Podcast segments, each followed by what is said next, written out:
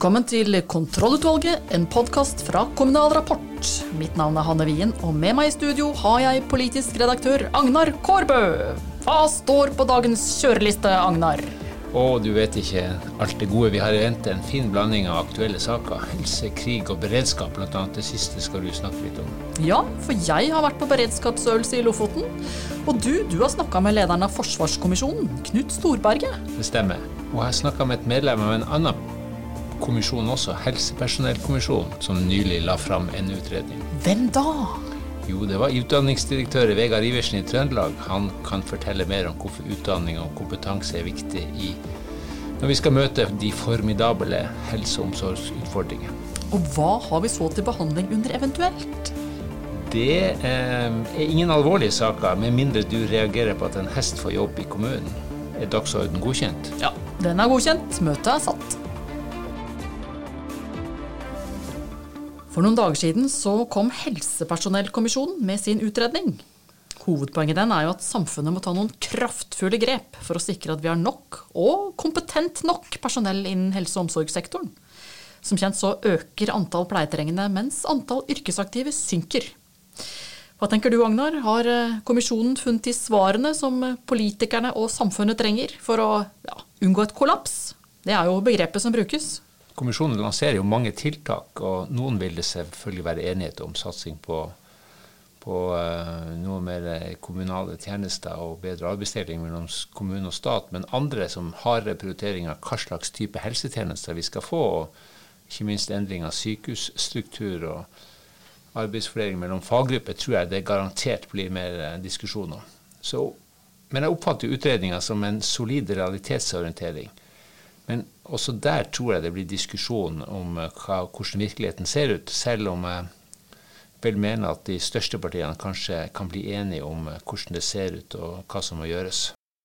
Da den rapporten ble presentert, så var det ikke mindre enn to statsråder til stede. Både helseminister Ingvild Kjerkol og høyere utdanningsminister Ola Borten Moe. Hva gjorde Moe der?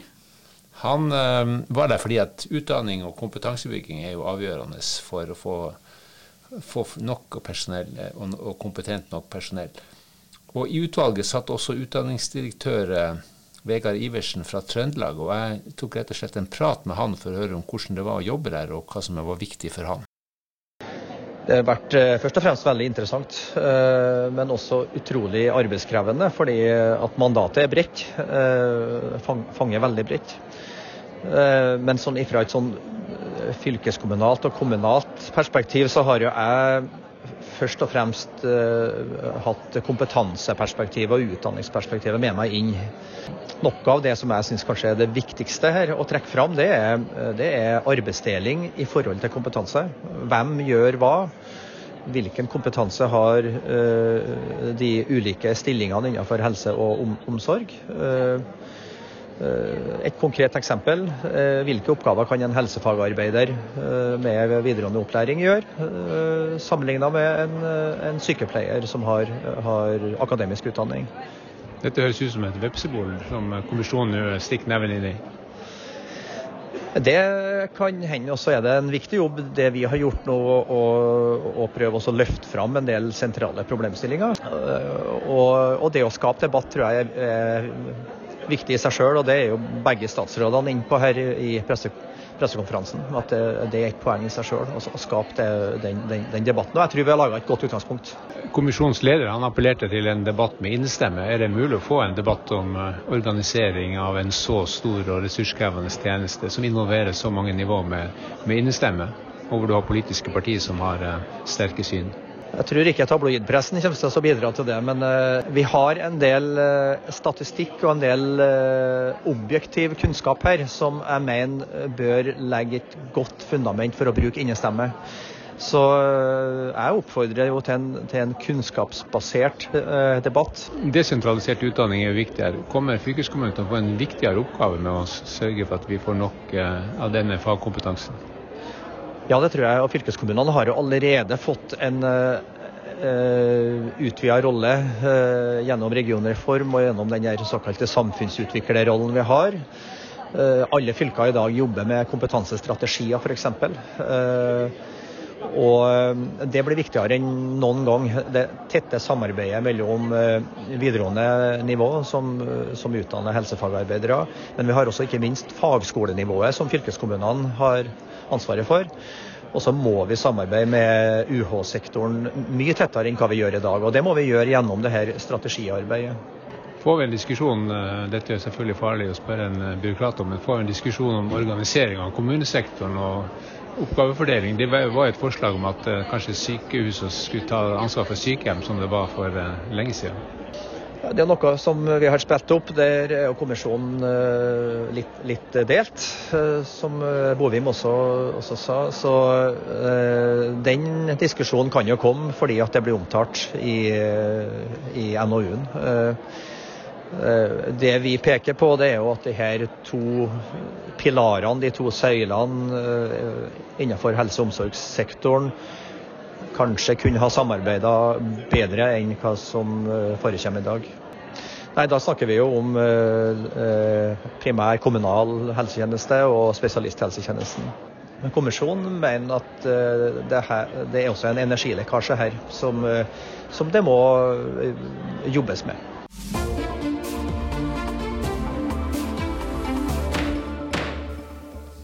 Og nå et alvorlig tema, Hanne. Beredskap. Du har vært på tur, tur nordover. I to uker har 39 kommuner i Nordland og én kommune i Troms og Finnmark øvd på det de kaller sammensatte trusler, under det som heter Øvelse Nordland 2023. Og jeg var jo så heldig at jeg fikk besøke Vågan kommune den dagen de øvde, sammen med fire andre Lofot-kommuner. Hva fikk eh, de kommunene ut av eh, øvelsen? Nei, altså, De er ikke ferdig med å evaluere øvelsen ennå. Men uh, fylkesberedskapssjef Asgeir Jordbru i Nordland, han, uh, sånn, førsteinntrykket hans det er at det er krevende for kommunene å håndtere mange alvorlige hendelser samtidig. Og at det er utfordringer med nytt personell, som jo aldri har krisehåndtert før. De trenger rett og slett å ja, øve seg. Men betydninga av det å øve, det var noe han, eh, Knut Storberget snakka om da han i egenskap av å være statsforvalter og ikke minst leder av Forsvarskommisjonen nylig besøkte eh, kommunedirektørene og snakka på en stor konferanse som, som, var arrangert eh, for dem. Hør her. Hvorfor er dette en, en kommisjon som eh, norske kommuner, lokalpolitikere og lokale ledere bør følge med på? Godt spørsmål, og jeg mener at det er veldig relevant for norske kommuner. Eh, kortest mulig svar. Eh, krig eh, det vil alltid ramme befolkning, og befolkning bor i en kommune. Vi bor i alle i en kommune. Uh, og det er dessverre slik at uh, man ofte har kanskje tenkt at dette får Forsvaret ordne opp i. Det er militæret som håndterer krig, og så skal vi leve våre liv. Men vi er nødt for å ha en helt annen tenking rundt det. Uh, og ha beredskap opp. Og særlig i et 10-20-årsperspektiv hvor vi ser at uh, trusselbildet i moderne krigføring er ganske annerledes. At det er mye mer sånn sammensatte trusler. Angrep mot uh, digitale, mot meningene våre, uh, strategisk eiendom, kritisk infrastruktur osv. osv. Og som gjør at kommunenes rolle er helt avgjørende. Uten kommunene taper vi krigen. En kommune er jo noe som holder på med ting som er innaskjærs innenfor landets nasjonale grenser. Men det du sier, er at eh, kommunene også må ha et blikk på den, rett og slett på den geopolitiske situasjonen? I høyeste grad. Og det vi ser nå, er jo at uh, enten du bor i Østre Toten eller Målselv eller på Aukra, så berøres man hver dag. Enten det er trusler mot uh, gassanlegget, det er digitale angrep eller det er innbrudd på vannverket. Og som viser at uh, det som rører seg ute i verden, enten det er et aggressivt Russland, eller et eh, Kina på eh, vei til å bre seg utover i hele verden, det er relevant for eh, befolkningen i Østerdalen. Men kommunene skal jo holde på med så mye. Du er jo statsforvalter til daglig og sånn sett vet at kommunene har i litt overkant mange oppgaver de skal håndtere, og sliter litt med ressurser både økonomisk og ikke minst personell og kompetanse. Har du noen gode råd før dere kunne komme med den kommisjonsrapporten deres i, i mai til uh, hva en kommunedirektør bør uh, gjøre, og hva en ordfører bør tenke på? Jeg syns det kom veldig mye gode råd fra kommunene sjøl i den sammenhengen vi har hatt her. Uh, og det handler egentlig om å gjøre seg mer bevisst disse problemstillingene. Ha gode folk rundt seg. Informere tydelig. Være, ha kort lunte for å sette krisestab osv. osv. Mye kan gjøres selv om det ikke nødvendigvis handler om de store ressursene. Så mener jeg at staten også har en Og det er noen som snakker på egne vegne som kommisjonsmedlem, for vi har ikke konkludert ennå. Men jeg mener at staten i mye større grad, når vi ser kommunenes rolle i beredskapsarbeid gjennom pandemi, eh, klimaendringer eh, og nå i en sikkerhetspolitisk krise, hva slags betydning de har, så burde man smøre det kommunale systemet, slik at man fikk dedikerte beredskapsarbeidere ut i hver kommune. Hva er det kommunene bør følge mest spent med på når kommisjonen kommer i, i mai? Da tror jeg vi ville nok eh, eh, ha blikket på selvfølgelig hva kommisjonen sier om den sikkerhetspolitiske utfordringen i et 10-20-årsperspektiv. Det er jo veldig usikkert, men veldig, eh, kan være nyttig lesning. Eh, samtidig så, så, vil det jo være viktig å ha blikket på hvordan eh, det totale forsvaret av Norge, altså totalforsvaret, fungerer. Og hva slags samhandlingsflate vi kan ha mellom militær og sivil side, og hvor kommunene vil komme til å spille en avgjørende rolle.